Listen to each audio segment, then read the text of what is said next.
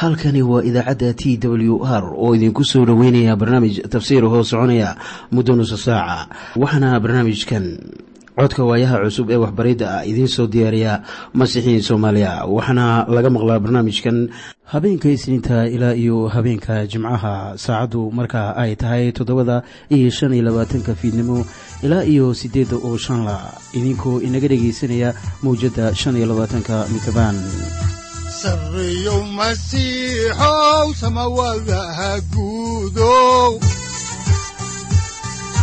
siraadkii adduunkow subanaha eebow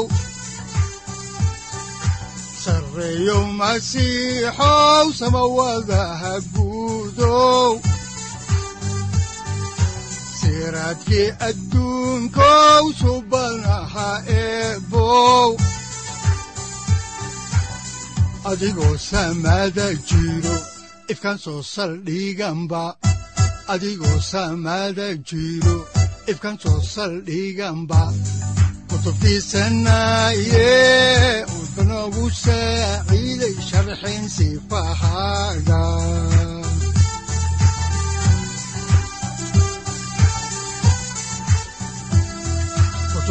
kutubtiisinaayo ebanagu saaciid sharxin sifahaaga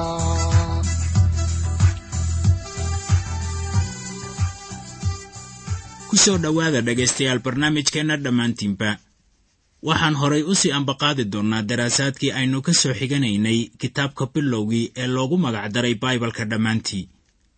Waxaannu horay idinku sii ambaqaadaynaa intii inooga harsanayd cutubka siddeedaad. Waxaanan kaga gudbi doonnaa cutubka sagaalaad waxaanse jeclaan lahaa inta aynan bilaabin barnaamijkan inaynu wada dhegaysanno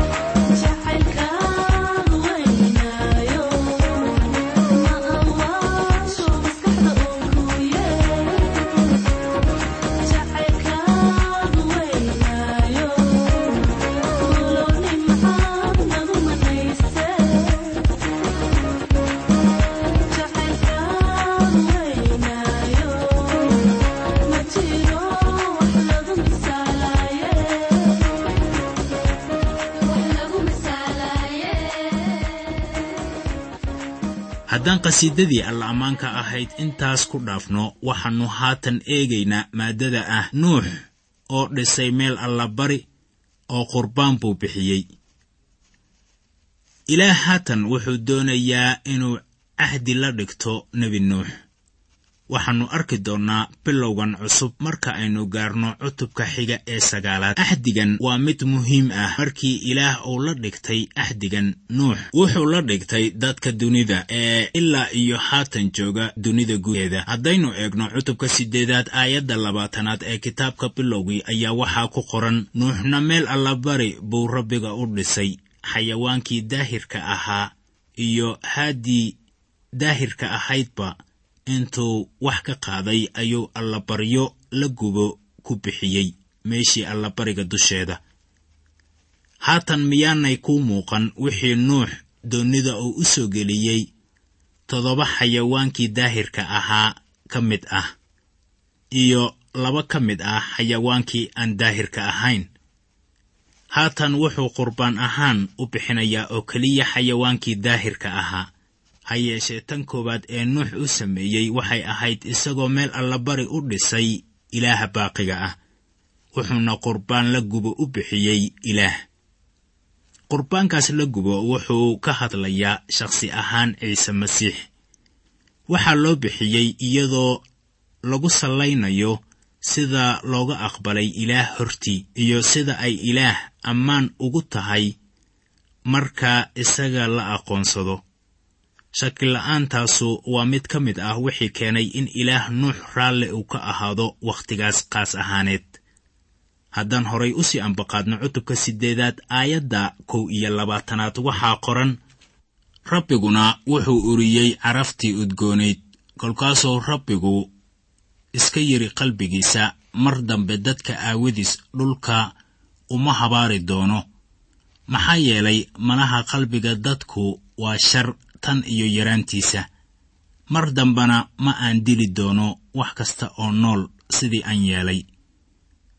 Taas maskaxda geli inay run tahay. Waa sidee dhallinyaronimadaadu miyaanay maladaadu ahayn shar.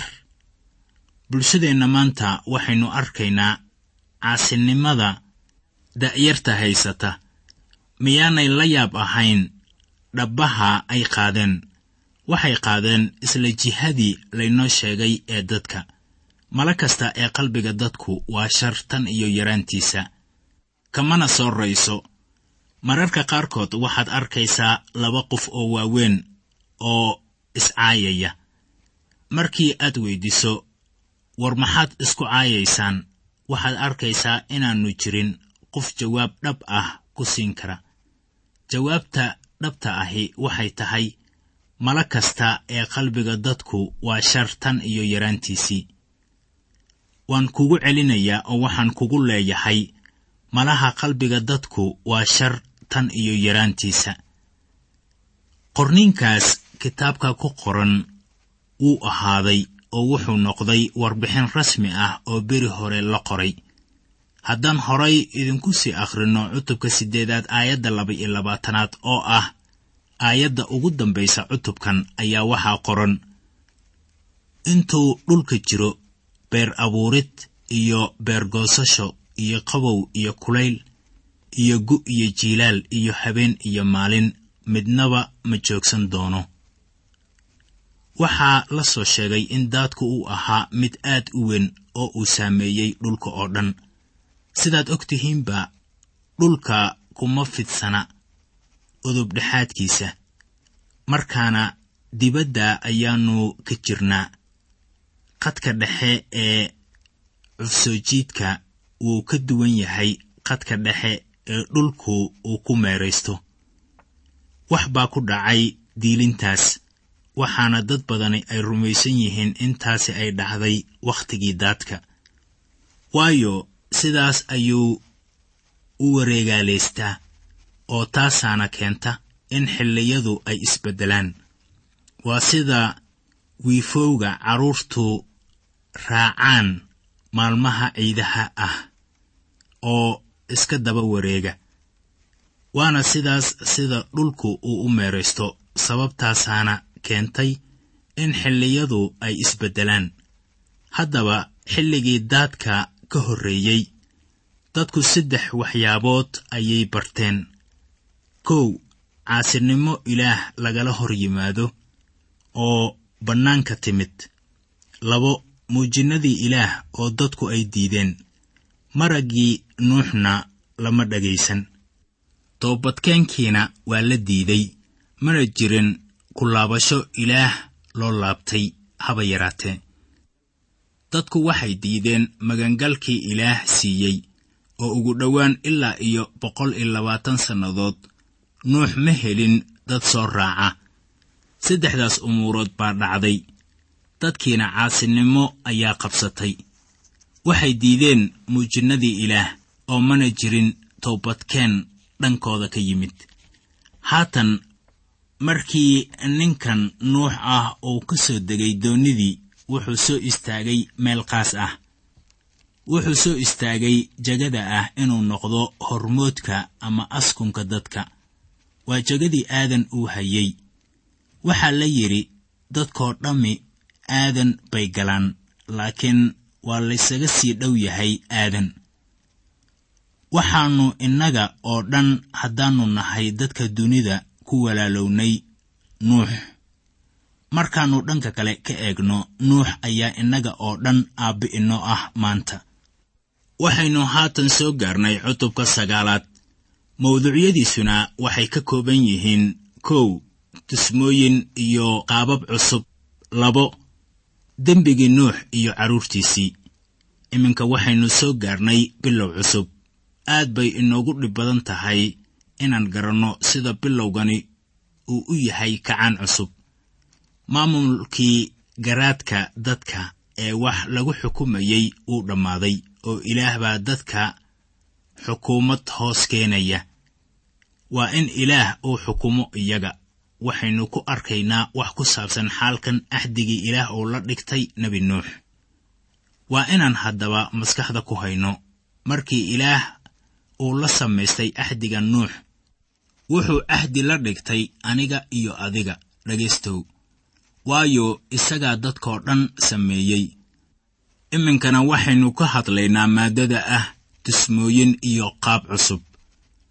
Waxaynu ku bilaabaynaa cutubkan sagaalaad sida ku qoran aayaddiisa koowaad oo leh oo ilaah waa barakadeeyey nuux iyo wiilashiisii oo wuxuu ku yidhi wax badan dhala oo tarma oo dhulka ka buuxsama haddaba marka la leeyahay oo dhulka ka buuxsama ayaa taasu ay leedahay macaani weyn. Waayo waxaynu ognahay in ay jirtay ilbaxnimo ka horraysay daadkii weynaa. Haatanna waxaa jiri doona ilbaxnimo daadka dabadii. Markii aadan lagu yidhi oo dhulka ka buuxsama waxaynu u qaadannay inay jireen abuuris nool. Garan maayo wixii loogu yeeri jiray ka hor aadan waxay ahaayeen ciddood ilaah abuuray. Haddii aan intaas dhaafsiiyo waxay iga noqonaysaa mala awaal. Waxaad haddaba garataa tan koowaad ee ilaah uu u sheegay nuux inay ahayd markii uu lahaa wax badan dhala tarma oo dhulka ka buuxsama. Waxaa jiraya taranka dadka. Xusuuso in ilaah amarkan u bixiyey marxalad khaas ahaaneed maanta waxaynu ku jirnaa wakhti bini'aadamku si xaddhaaf ah ay u kordheen waxaana jira kororsiimada dadka oo halisteeda leh.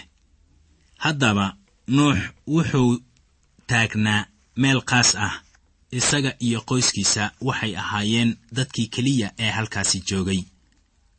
Bal haatanna waxaad eegtaa sida dadku ay u badan yihiin. Markaad timaado sayladaha caasimadaha waaweyn iyo degmooyinka qaar. Dadkii sida xaqiiqada ah aad bay u bateen. Ninbaa wuxuu igu yidhi haddii aad muqdisho tagto isma lihid ruux soomaali ah baa halkaasi ka maqan. Haddaan ku noqonno akhrinta kitaabka bilowgii waxaan ku arkaynaa cutubka sagaalaad aayadda labaad sida tan. Cabsidiinna iyo baqdintiinnu way la jiri doontaa dugaag kasta iyo haad kasta oo hawada iyo waxa dhulka gurgurta oo dhan iyo kalluunka badda oo dhan. Gacmihiinna baa laydiin geliyey iyaga. Qayb kale oo ka mid ah axdigan ayaa ah difaacidda iyo xukumista xayawaanka dunida oo dhan. Waxaan u qaatay ka hor wakhtigan in xidhiirkaasu beddelnaa sida abbaarta ah dadku hilbaha ma ayan cuni jirin wakhtigaas ka hor. Xayawaanka oo dhaniba waxay ahaayeen dabjoog oo cidina dooni mayn inay cunto xayawaan gurijoog ah.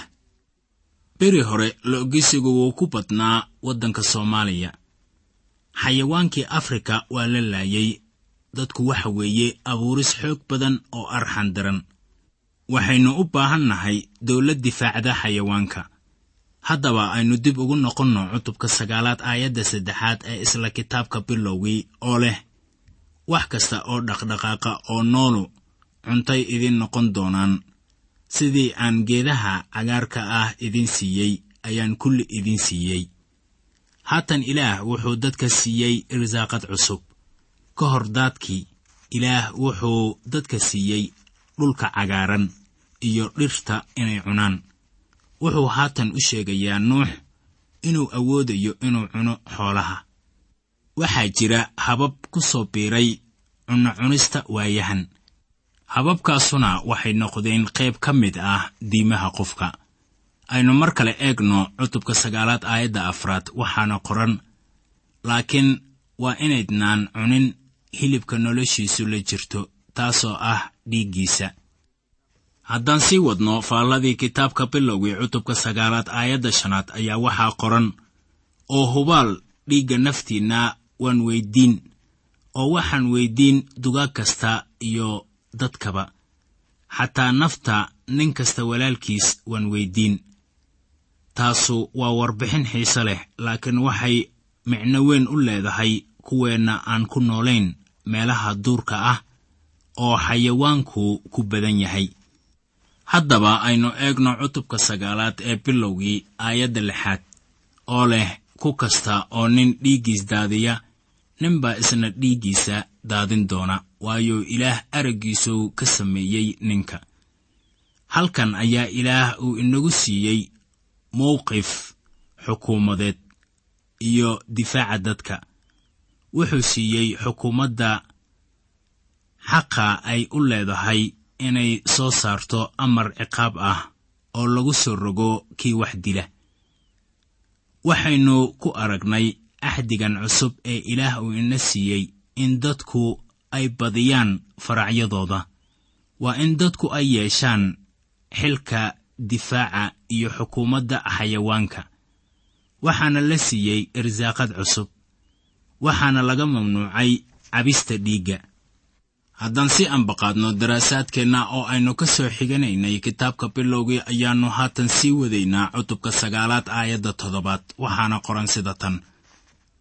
Idinku wax badan dhala oo tarma aad iyo aadna ugu farcama dhulka kuna tarma dhexdiisa.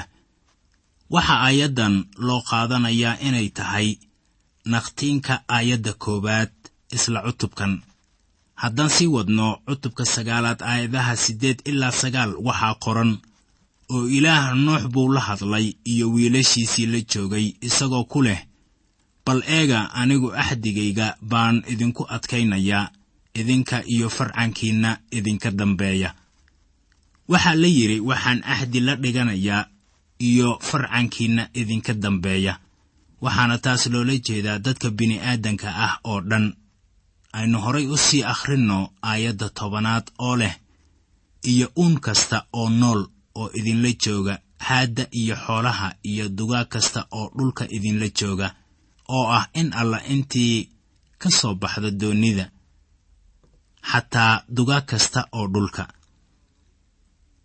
Waxaa kaloo lagu daray uun kasta oo nool ahdigan. Ishaaciyah wuxuu sii saadaalinayey in libaaxa iyo baraarku ay isla jiibsan doonaan oo ayaan jiri doonin burburin iyo aamin bax ama in baraarka la cuno. Siday iminkaba tahay. Warqaddii rasuul bawlos uu u qoray dadka roma ayuu ku sheegay in abuurista oo dhan ay la ciyayaan xanuun marka ay ku boqoolayaan dunida wakhtigan xaadirka ah. Waxaan haddaba kuugu leeyahay ilaah wuxuu ballan ama axdi la dhigtay nuux iyo uun kasta ilaa boqortooyadiisa timaado dhulka. Waxaa axdigan lala dhigtay faracii nuux iyo uun kasta oo nool oo idinla jooga. Haddaan ku noqonno akhrintii kitaabka oo aannu eegno cutubka sagaalaad aayadda kow iyo tobanaad oo leh oo waxaan idinku adkayn doonaa axdigayga inta jir leh oo dhan mar dambe biyo daad ah laguma baabi'in doono. Daad dambe oo dhulka baabi'inayaana mar dambe ma jiri doono. Kaasuna waa ballankii ilaah. Ujeeddadiisu waxa weeye inaannu mar kale dhulka ku burburinaynin daad. Ciqaabta xigta tan ee dunida imaanaysa waxay noqon doontaa dab waxaannu taas ku aragnay warqaddii labaad ee butros cutubka saddexaad. Haddaba aayadaha xiga ee cutubka sagaalaad waxaan ku arkaynaa sawirka guud ee ahdiga. Sida ay aniga ila tahayna waxa weeye macnaha guud ee ahdiga ayaa la sii fasirayaa waxaana la odhan karaa waa axdi quduus ah. Waa shay ah calaamad muuqata oo saameeyey ballamada. Haddaba aynu soo qaadanno axdigan sida ay ugu qoran tahay cutubka sagaalaad aayadaha laba iyo toban ilaa saddex iyo toban.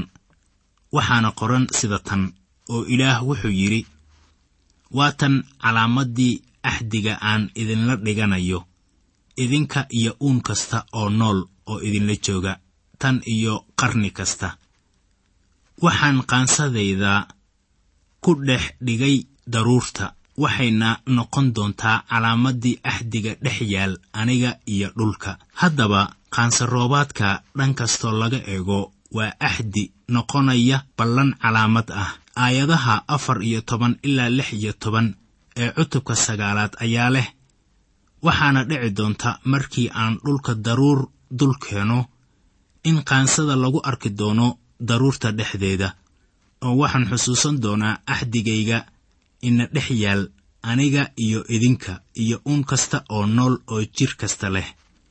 Biyuhuna dib dambe ma noqon doonaan daad baabi'iya inta jir leh oo dhan. Qaansaduna waxay ku dhex jiri doontaa daruurta.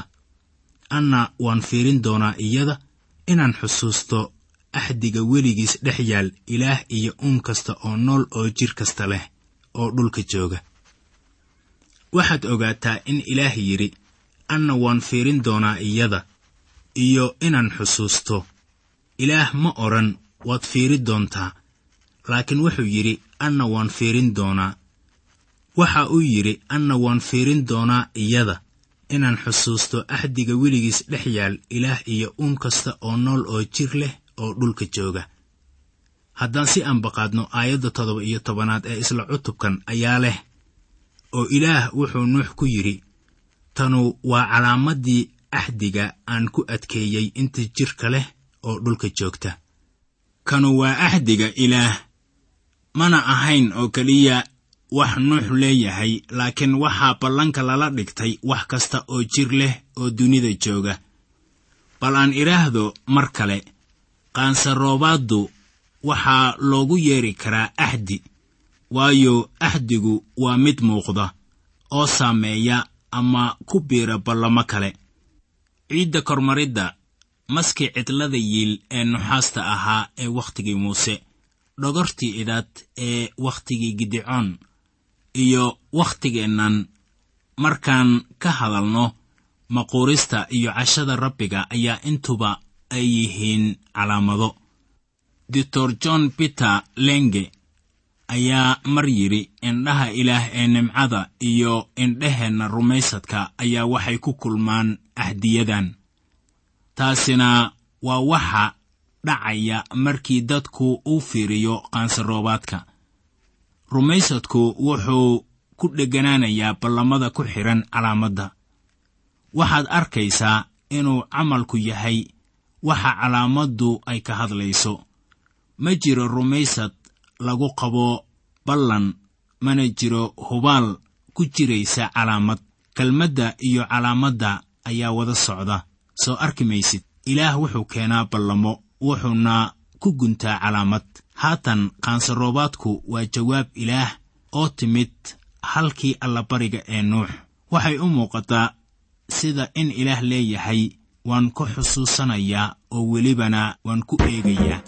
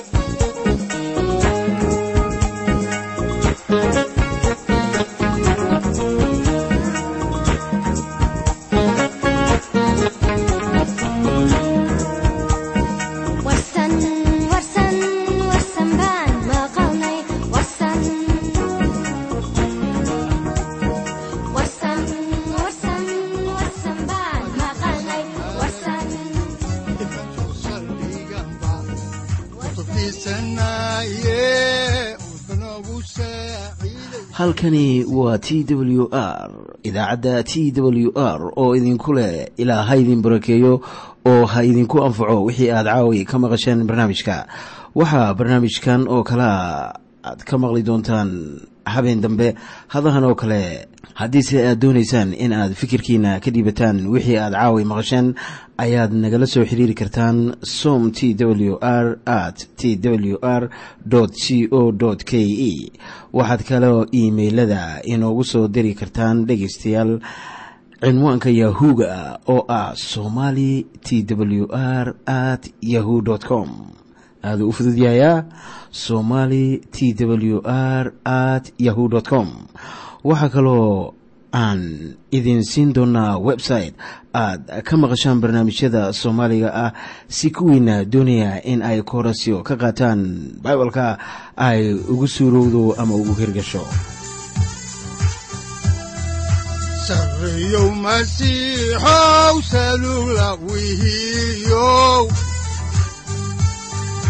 saacadda timid dhulka sabada ku dhalatiyo